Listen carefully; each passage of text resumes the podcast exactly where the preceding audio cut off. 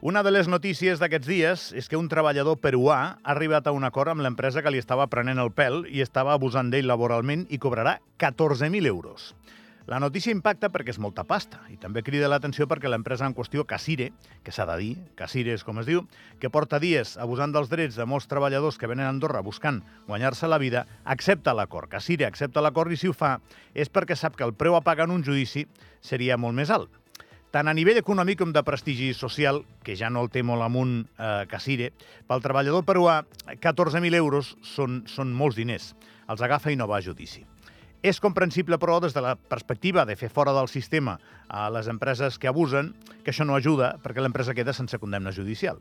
També és veritat que si això va a judici, igual la sentència surt quan Espanya governi la filla de la princesa Leonor vale? perquè m'entengueu. Per tant, es pot entendre que, que aquest xicot peruà arribi a un acord. Es pot entendre perfectament.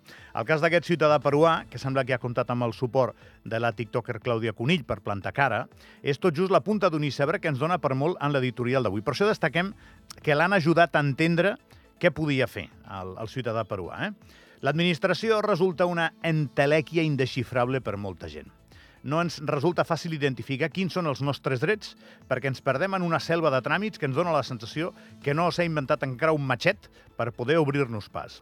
Molts cops la culpa és nostra, perquè desenvolupem un mecanisme absurd que, que ja ens fa mandra tot el que olora administració i no ens informem prou. Això ens converteix en víctimes propiciatòries d'aus rapinyaires com empresaris amb mala idea o alguns propietaris de pisos que volen fer el que no poden fer. La gran majoria dels empresaris no són així, la immensa majoria, però els que són així conformen una molt visible minoria. Ahir de nou em va parlar el síndic Carles Ensenyat. Tornem a insistir. Si estàs de lloguer i et volen fer fora de casa, no poden fer-ho. Si estàs de lloguer i et volen pujar el preu del pis abusivament, ara mateix no poden fer-ho. Ho torno a dir, ho he dit ja bastants cops les darreres setmanes. Ni que t'ho diguin per carta, ni que vingui firmada pel papa francès, ni que vingui signada per Leo Messi o per Taylor Swift. No t'ho poden fer. Repeteixo, si estàs de lloguer, no et poden pujar el preu del pis abusivament ni et poden fer fora de casa a dia d'avui, ni per escrit. Però ho estan fent. És més, és probable que avui mateix, aquí vivim ja 84.000, i això es perd, es difumina, arribi alguna carta d'algun propietari comunicant un desnonament. És, és possible, és probable. Perquè potser el propietari és un cínic i es lia la manta al cap, o potser perquè el propietari és un ignorant també. Tant se val. Uh, ara això no es pot fer i cal perseguir-ho i documentar-ho fins que deixi de passar. Durant tres anys, que són uns quants dies i nits, això no es podrà fer.